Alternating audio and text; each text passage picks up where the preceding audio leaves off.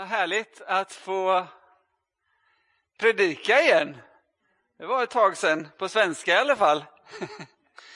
eh, Mattias Lindsmed heter jag, för er som inte känner mig. Eh, också kul att hälsa Carl-Johan Hultman välkommen hit till Brokyrkan. Du är ju, ska, ju, ska ju bli, eller har redan flyttat till Kisa, men du ska bli ny pastor i Kisa frikyrkoförsamling. Roligt att du är här och gästar oss. Eh, temat som jag har för den här predikan är att finna det förlorade. Eller att hitta det som är förlorat. Hur många av er inne tappar ofta bort saker? Alltså du märker ju inte att någonting är borta förrän du behöver det som allra mest, eller hur? Eh, och när du väl hittar den här saken så blir du väldigt, väldigt glad.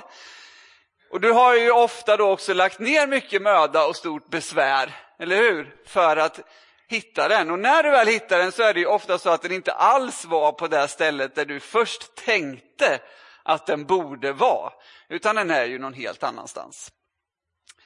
Jag är ju en person som ofta letar efter saker och jag letar ju väldigt ineffektivt. Och eh, spelar ingen roll om jag tittar i lådan där man sen hittar den så hittar jag inte det i alla fall. Vi hade senast förra veckan letat efter laddaren till min rakapparat.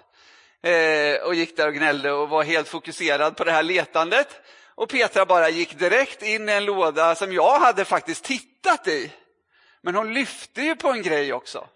Och då låg den under hennes necessär. Där låg inte bara en, utan det låg faktiskt tre av samma sak.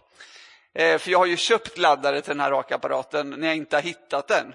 Så jag har ganska många. jag är en person som letar ganska ofta.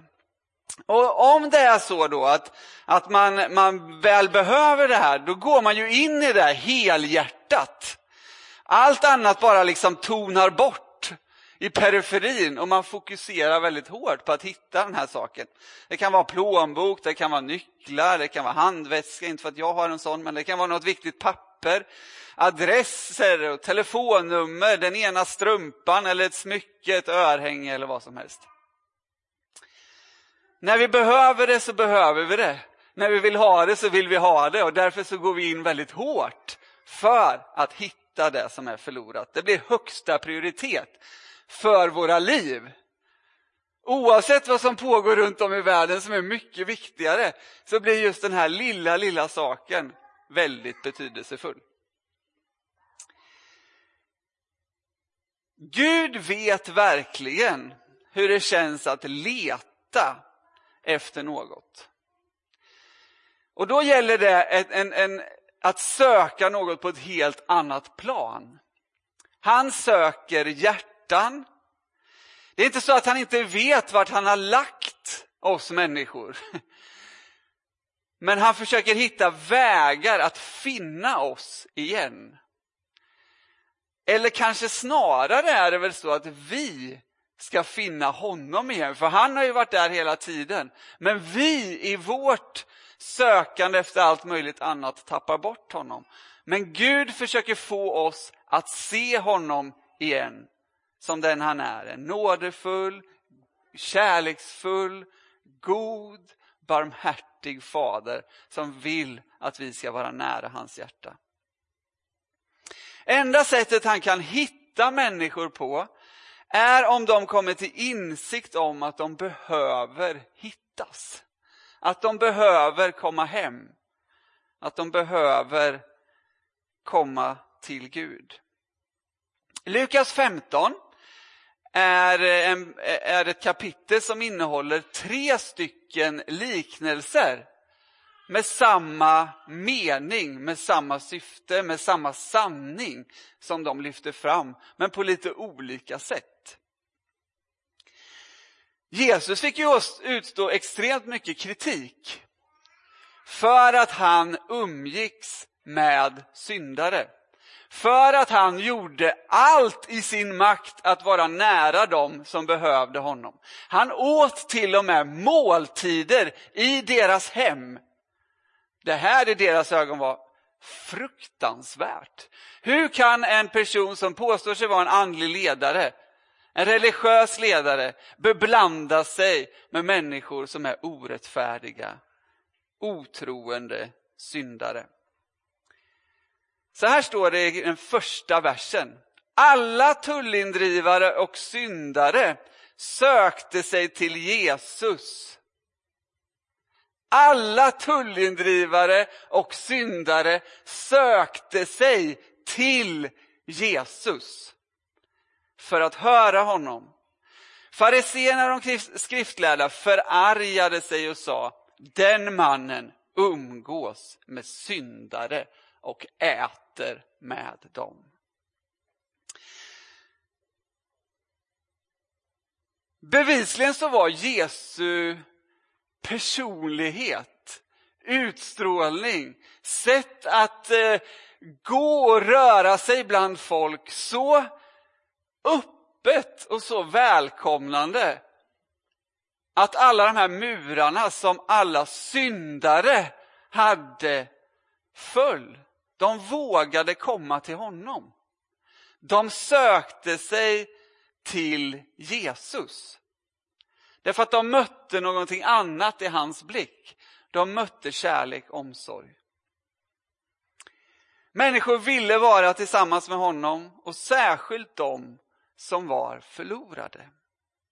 De kom från alla klasser, alla olika former av bakgrunder. Men de levde inte sina liv i enlighet med Tora eller de andra religiösa traditionerna. Och det här förargade fariseerna och de skriftlärda.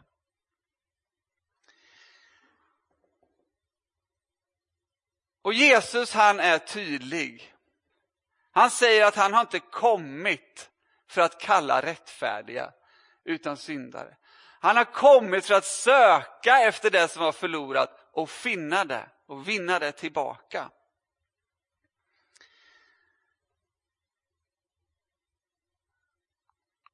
Och när han får motstå den här kritiken så berättar han de här tre liknelserna vid det här tillfället. Han talar om det förlorade fåret. Ett får av hundra har kommit bort. Vad gör herden? Han släpper allt och letar efter det som var förlorat. Och när han hittar det så blir det en stor, vad då? fest i himmelen.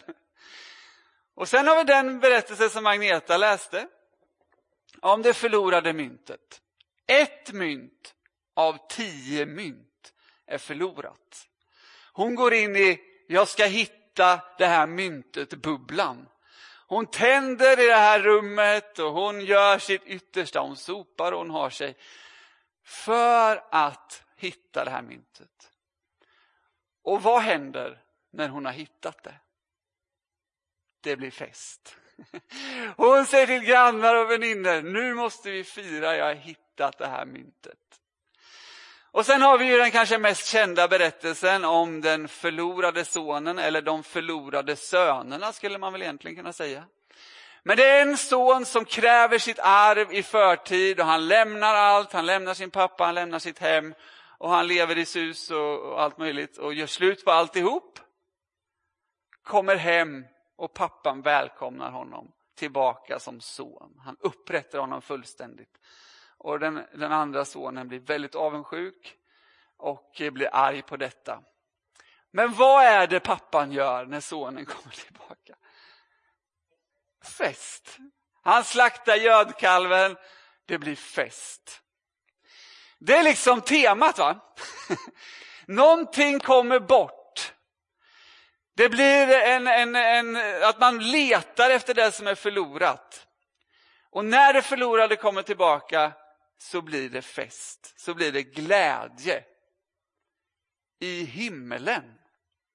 Änglar, Gud, hela himmelriket gläds över en enda förlorad syndare som kommer hem.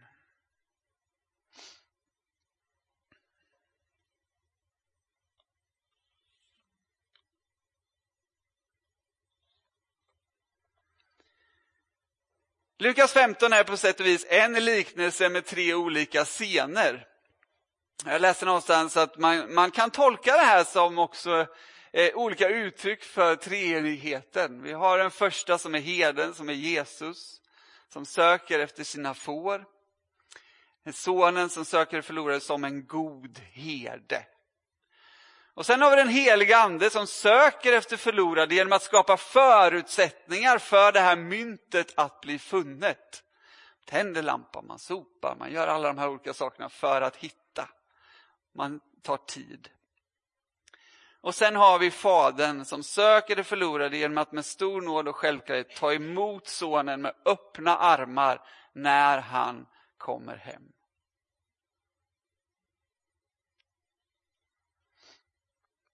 Och Varje scen målar också upp en bild liksom lite så här av ett, ett värde som på något sätt ökar hela tiden.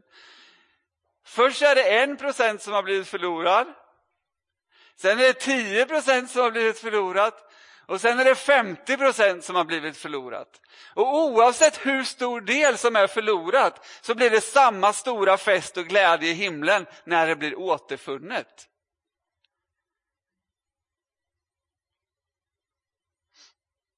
Gud vill alltid hitta det som är förlorat. Och varje gång det sker, tillsammans med hela himmelen, så blir det fest, så blir det glädje.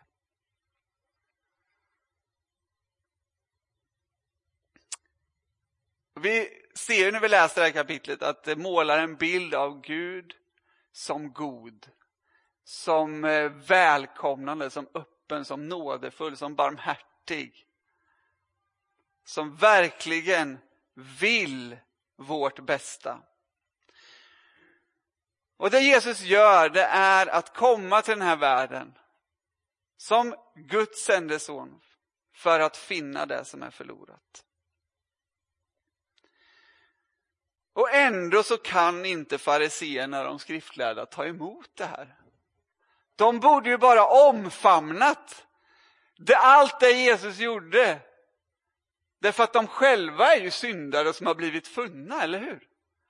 Den som har fått mycket förlåtet kan också förlåta mycket. Men den som har fått lite förlåtet kan inte förlåta. De borde vara glada, de borde välkomna det Jesus gör. Nåden borde glädja dem eftersom de själva är syndare. Alla syndare sökte sig till Jesus för att höra honom. Hos honom fanns det som de längtade efter. De såg hans kärlek, de såg hans omsorg. De kunde komma precis som de var, precis som de var, där de var. De behövde inte förställa sig, utan de kom till honom, de sökte sig till honom.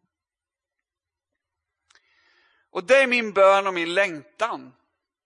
Att det ska vara så i vår församling. För vi är Kristi kropp. Vi är Jesu församling.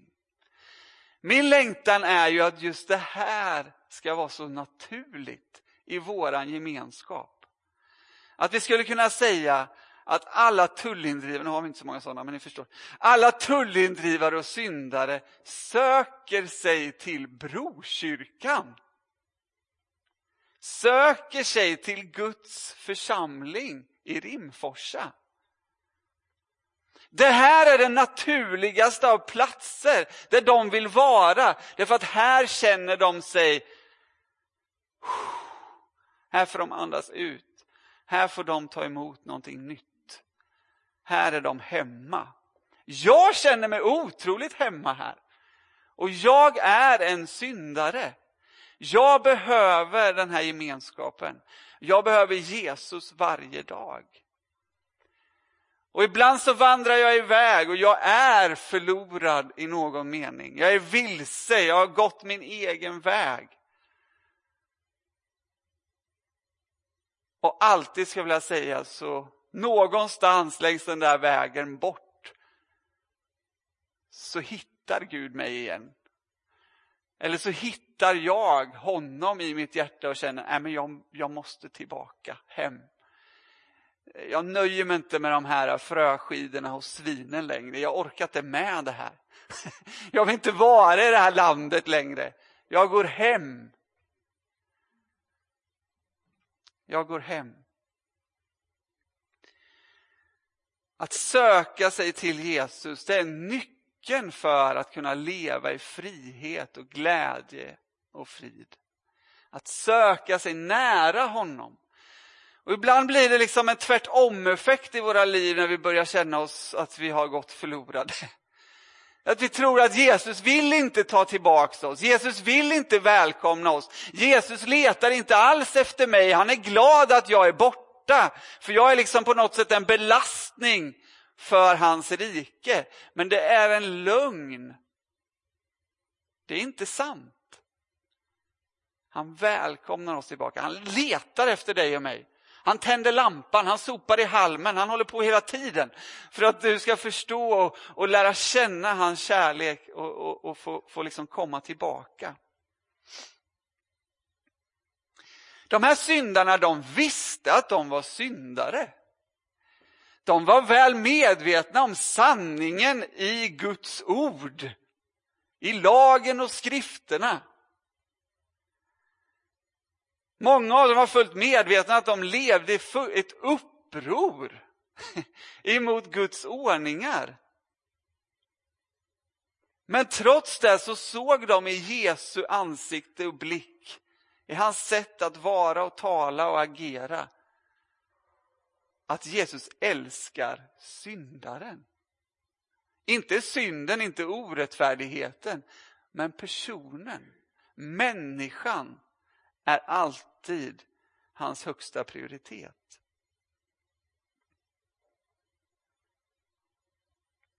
Vi behöver påminna oss om vad Gud har lovat, nämligen att Guds änglar gläder sig över en enda syndare som omvänder sig.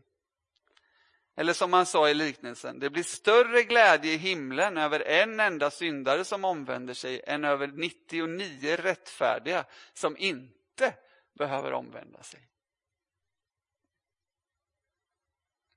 Så jag vill bara titta lite närmare på den här lilla liknelsen som handlar om det förlorade myntet. Vi har en kvinna som har tappat bort ett av tio silvermynt.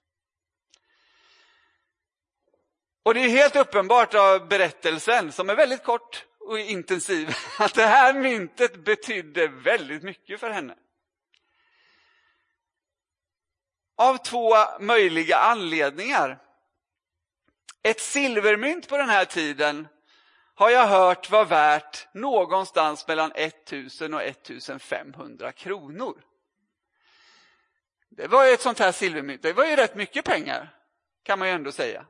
Är det så, var det så, så förstår man verkligen varför hon letade så intensivt efter det här myntet. Utan de pengarna i tider av kris så hade hennes familj säkert varit utsatt. För det andra så kan det vara så att silvermyntet hade ett annat värde nämligen ett affektionsvärde. Alltså det var kopplat till ett minne. Någonting i hennes liv som hade varit väldigt betydelsefullt, som hade stor betydelse för henne. Antagligen så var det här myntet ett av de tio som hon fick i en kedja som hon hade på huvudduken när hon gifte sig. Så det skulle väl ungefär vara då som om ni kvinnor, gifta kvinnor här inne hade tappat bort en av ädelstenarna i era vigselringar kanske. Alltså någonting som hade ett stort värde för henne. Antingen så var det ett ekonomiskt värde eller så var det ett affektionsvärde. Och det gör att hon verkligen gör sitt yttersta för att hitta det här myntet. Hon sätter igång en stor verksamhet, hon går till handling. Och det här vill Jesus visa, så här är det med Gud. Han sätter ett stort värde på oss. Vi har ett unikt, okränkbart värde i Guds ögon.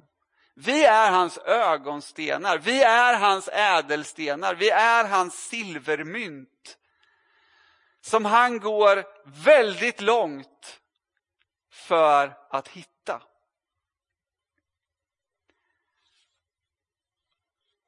Hon tände lampan för att kunna se i hemmet. Hon eh, sopar hela huset. De hade ju halm på golvet för att det skulle inte vara så kallt och jordgolv. Hon sopade säkert upp där, varenda halmstrå. Låg där på knä liksom, sökte igenom systematiskt och metodiskt varje rum, varje, varje yta. Hon letar omsorgsfullt, hon ger inte upp. Gud är idag inne i ett ihärdigt, fantasifullt och omsorgsfullt letande för att finna det som är förlorat. Och han ger inte upp en enda sekund innan han har funnit det.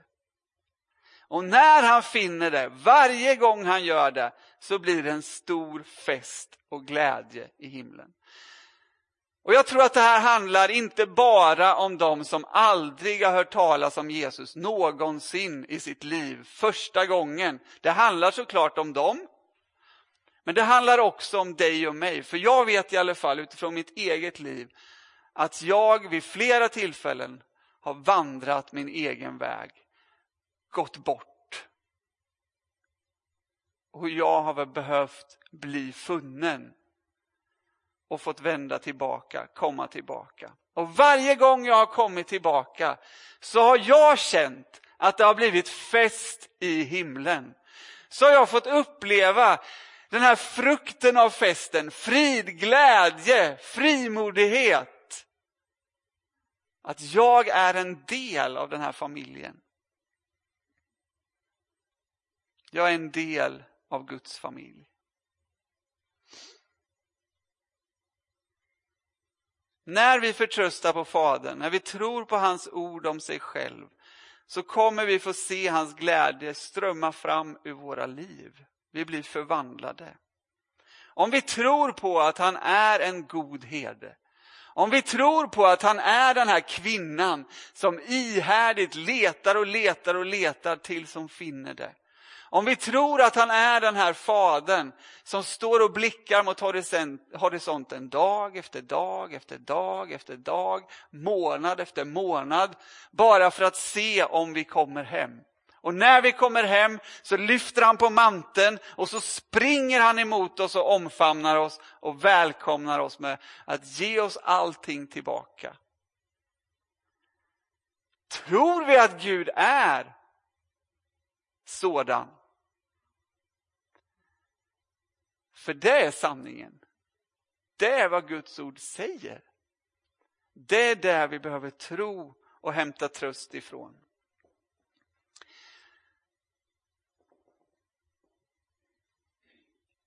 Så här står det i ett ord. Så uppenbarades Guds kärlek till oss, hos oss. Han sände sin enda son till världen för att vi skulle få liv genom honom.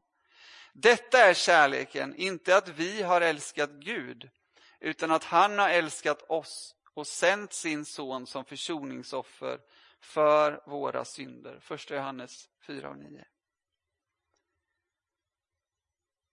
Romarbrevet 5 och 8 säger Gud bevisar sin kärlek till oss genom att Kristus dog för oss medan vi ännu var syndare. Det handlar inte om oss. Vi är så förvirrade många gånger. Vi tror att det handlar om oss. Hur duktig jag är, hur väl, eh, välartad jag är, hur, hur kraftfull jag är i att göra rätt och inte göra fel. Men det handlar inte om dig. Guds kärlek till dig handlar om honom. Han har älskat dig först. Du är hans ädelsten, du är hans barn, du är hans mynt, du är hans får. Du är allting som är värdefullt. Sen är vi kallade att leva i omvändelse, det är inte det jag säger. Men för att få komma till honom så är vi alltid välkomna. Alltid välkomna.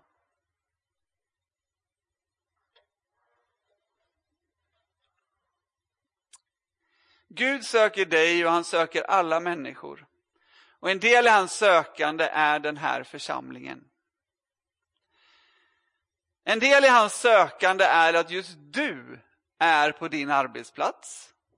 Är att just du är i Rimforsa IFs eh, sportförening. Guds sökande är att just du finns i din familj eller i din släkt, i din vänskapskrets. Vi är en del av Guds sökande. Vår församling finns här därför att Gud vill finna det som är förlorat och rädda det. Och genom sin heliga ande så ger han oss en massa kreativa sätt att kunna hitta människorna. Och få dem att förstå att de behöver bli funna. Och det fascinerar mig så mycket när man besöker olika församlingar och man besöker olika länder. och Man ser olika människor, vad de gör med sina liv, liksom, medvetet och med intention. Att man känner sig kallad av Gud. Det finns ju så sjukt mycket olika bra grejer man kan göra för att visa människor att Gud söker dem. Jag tänker på eh, albanerna som har varit här förra veckan. De är 20 pers i sin församling. De har ett after school-arbete som samlar mellan 40 och 60 personer varje dag i veckan. Där de möter alla familjerna, där de har familjeträningar, där de liksom de gör hur mycket som helst. De delar ut mat, de hjälper dem med mediciner. Och sen har de 80 personer som kommer varje vecka och får fysioterapi, talpedagoghjälp. De får, autistiska barn får hjälp att, att, eh, med, med tecken, vad kallar man det för? Bilder som stöd för att kunna lära sig. Alltså de jobbar på ett oerhört kreativt sätt. Varför gör de det? Därför att det finns ett behov såklart i deras samhälle. Det finns ingen annan sån verksamhet. Det är en sak. Men frågar du dem så är det därför att Gud söker det som har varit förlorat för att finna det. Det är hela syftet med det de gör. Och vi har ett syfte. Varför bygger vi den här betongplattan här ute? Ja, det är ju självklart för att vi ser att det finns ett behov i Rimforsa av aktiviteter för unga människor. Vi ser ett behov av att det finns något annat än bara spela fotboll och innebandy, de här mer ordnade sportaktiviteterna. Det behöver också finnas spontanidrott. Det är ett syfte. Men det är självklart också så att vi som församling vill hitta en plattform att kunna skapa relationer med människor. Vi ser det också som en del i vårt uppdrag. Att erbjuda platser för människor att också kunna möta oss. Som kan berätta om vem Jesus är, vad han betyder för oss. För övrigt väldigt roligt att vi har en platta på plats här nu. och att vi ska få bygga ramper och att vi ska få börja se unga människor vara här eh, och ha det kul tillsammans. En sak är säker och underbar. Gud söker det som är förlorat för att rädda det. Det var dagens evangelium. Och jag hoppas att vi kommer ihåg det, de där stunderna när vi känner oss förlorade. De där stunderna när vi känner att vi är borta. Att vi inte känner då, att det är lika bra att jag är borta. Utan att vi känner den här längtan att komma hem. Att vi ser in i Jesu ögon och ansikte och känner hans kärlek, omsorg. Hans nåd och hans barmhärtighet. Det står att han är nåd och sanning. Det är både och. Det finns en sanning, men det är också nåd. Vi behöver ha dem tillsammans. Vi ska gå in i nattvardsfirande, vilket ju är en måltid som handlar om att komma hem. Att eh, komma i gemenskap med Jesus Kristus, våran frälsare. Att få lämna det som har varit i hans händer. Att också få be om förlåtelse. att få be om ny kraft och nya möjligheter att leva det liv som han har kallat oss till. Och vi säger ju det också, välkomna, allt är färdigt. Och vi välkomnar alla som vill vara nära honom att ta del av den här måltiden. Och där händer någonting. Där är det ett verkligt möte med den levande Jesus Kristus. Så den måltiden, den festmåltiden, ska vi avsluta den här gudstjänsten med. Och innan vi gör det så ska vi sjunga en sång.